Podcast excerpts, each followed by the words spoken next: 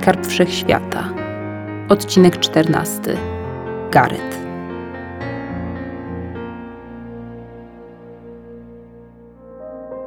Następnego dnia Gloria wstała wcześnie rano. Ostatnimi czasy jej głowę zaprzątały cudze bądź społeczne problemy, teraz wypadało zająć się sobą samą i własnymi zmartwieniami. Zmartwieniami pod tytułem Skarb Wszechświata. Już wiele razy przeglądała plik papierów, który policja znalazła wraz z ciałem jej matki.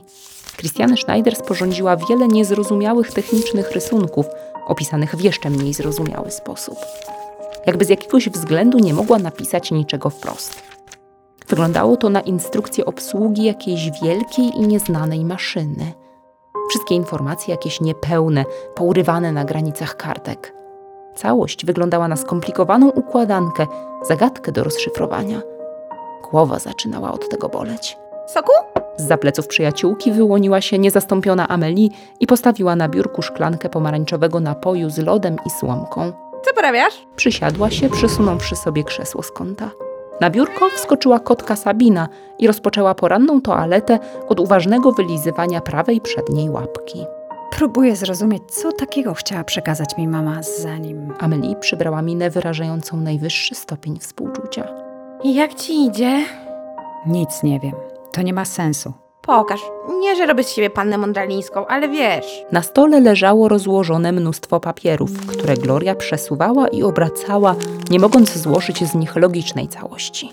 W rogach poszczególnych kartek widniały dziwne fragmenty wzorków. A może to są. Mm, kurczę, yy, jakieś puzzle? Amelie przysunęła do siebie dwa skrawki, których narożne szlaczki dopasowały się do siebie nawzajem. Gloria zmrużyła oczy w skupieniu. Tak, to jest to. Jesteś genialna! Wykrzyknęła radośnie i serdecznie uścisnęła przyjaciółkę, bo wszystko zaczęło się układać. Pojedyncze papiery należało najpierw odpowiednio uporządkować, aby odczytać informacje. I w ten oto sposób na środku złożonego obrazu ukazała się narysowana podobizna zielonego kryształka Glorii. Mm, To rzeczywiście instrukcja. Teraz widzę. Nieprzebrane rzędy liczb, strzałek, wzorów, luźnych wyrazów i wykresów tworzyły gąszcz, który nie przeraził Glorii, a wręcz przeciwnie, zesłał dziwne ciepło na jej serce. Na piegowatą twarz wypłynął uśmiech. Zagadka zaczynała powoli się rozwiązywać, bo to był gąszcz właściwie niepotrzebnych wiadomości. Maska. Jeśli się dobrze przyjrzeć, można wydzielić wzrokiem właściwy rysunek jakiejś maszyny z zaledwie kilkoma wystającymi elementami i dużym ekranem. Czyżby to było urządzenie wykrywające lokalizację kolejnych kryształowych odłamków prowadzących do skarbu wszechświata? To wydawało się zbyt nieprawdopodobne, ale możliwe, Kumasz, co to takiego? Zagadnęła Amelie. Mam podstawy przypuszczać, ale ja tego nie mam. Może mama miała, ale nie ja. W życiu nie widziałam niczego w tym stylu. Nie masz innych informacji? Mm, Jeszcze list i to coś. Gloria wyciągnęła z kieszeni tę dziwaczną tabliczkę ze sztucznego tworzywa. Weź, przestań, tutaj to już nie pomogę. Amelie uśmiechnęła się bezradnie, Tak mnie jakoś natura stworzyła, że nie widzę niczego ponad to, co widać. wzruszyła ramionami. Ale ty zawsze umiałaś, kurczę, czytać między wierszami.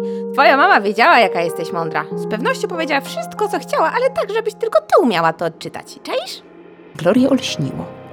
Te zapiski matka musiała sporządzać w czasie, gdy była uwięziona, na krótko przed tym nim zginęła. Kreatury wyciskały z niej potrzebne im informacje, czyli gdzie jest zielony odłamek, a ona zechciała pozostawić córce jakieś dziedzictwo, które musiało być dobrze zamaskowane. To urządzenie istnieje i ona znała jego lokalizację.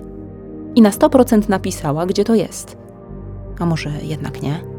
Może trzeba samemu powoli i na spokojnie do tego dojść? Kluczem do ostatecznego rozwiązania zagadki powinno być owo światło neonów.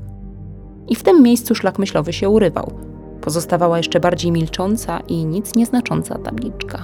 Mamo, gdybyś nie zginęła, Dziewczyna zamyśliła się. odebraliście mi wszystko, co miałam.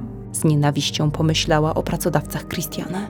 Jeszcze nikomu tak bardzo nie życzyłam śmierci. Obyście zginęli w gorszych męczarniach niż wszystkie wasze ofiary, niż mama i Jonas. Tak mocno ściskała pięści leżące na biurku, że aż zbielały jej kostki i zaczęła odczuwać ból.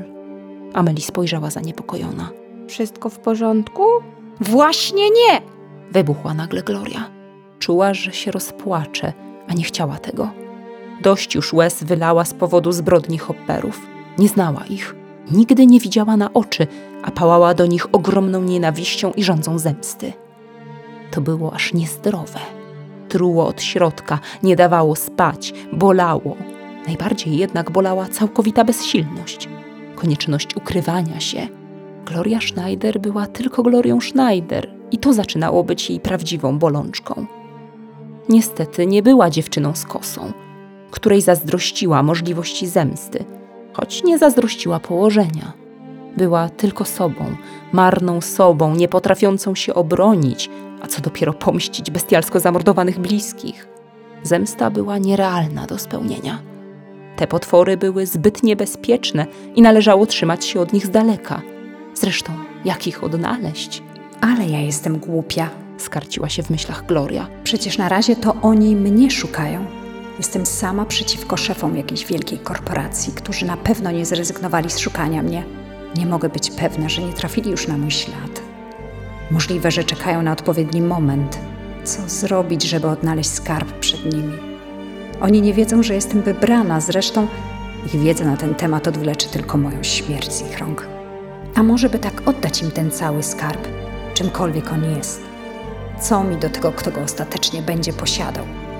Ja się o nic nie prosiłam. Ponieważ Amelie siedziała bez słowa, a z przerażeniem wymalowanym na twarzy i z marszczką niepokoju na czole pod grzywą czarnych włosów, Gloria postanowiła trochę ją uspokoić. Po prostu jest mi teraz strasznie ciężko. Wszystko straciłam. Chce mi się wyć z bólu, cały czas się tylko powstrzymuję, bo muszę być twarda za wszelką cenę, żeby nie zwariować. Nawet nie wiesz, jak bardzo jestem Ci wdzięczna za to, co dla mnie robisz. Co cała Twoja rodzina dla mnie robi. Jonasowi też byście pomogli. Rzuć na luz. Ty zrobiłabyś to samo. Nie dziękuj.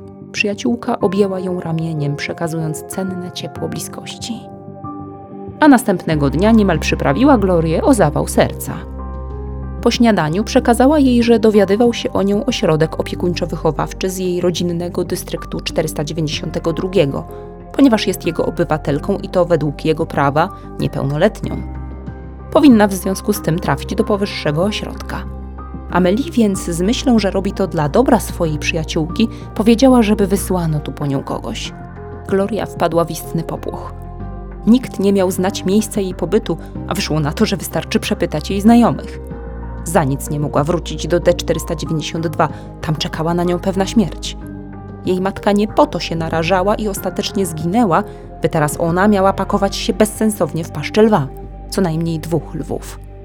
Po chwili zastanowienia przyznała jednak, że nie jest to całkiem niedorzeczny pomysł. Na razie i tak nie miała gdzie się podziać, a nie mogła bez przerwy nadwyrężać gościnności rodziny Bremont.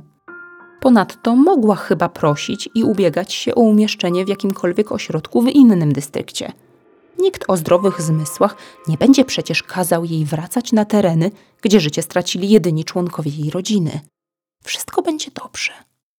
Z takim nastawieniem powitała późnym popołudniem około 40-letniego mężczyznę, który podjechał samochodem pod dom Ameli i wylegitymował się jako pracownik ośrodka opiekuńczo-wychowawczego D492 o nazwisku Garrett. Nawet z daleka wyglądał na nierozgarniętego, bardzo wysokiego ciamajdę, Metr dziewięćdziesiąt pięć co najmniej. pomyślała Schneider. Człapał w długim płaszczu i w za dużych okularach. Już niebawem Gloria miała przekonać się, jak złudne bywa pierwsze wrażenie. Nie gniewasz się? Amelie upewniała się po raz setny. Miałam nikomu nie mówić, wiem, tylko że do, do jasnej ciasnej ja się o ciebie martwię.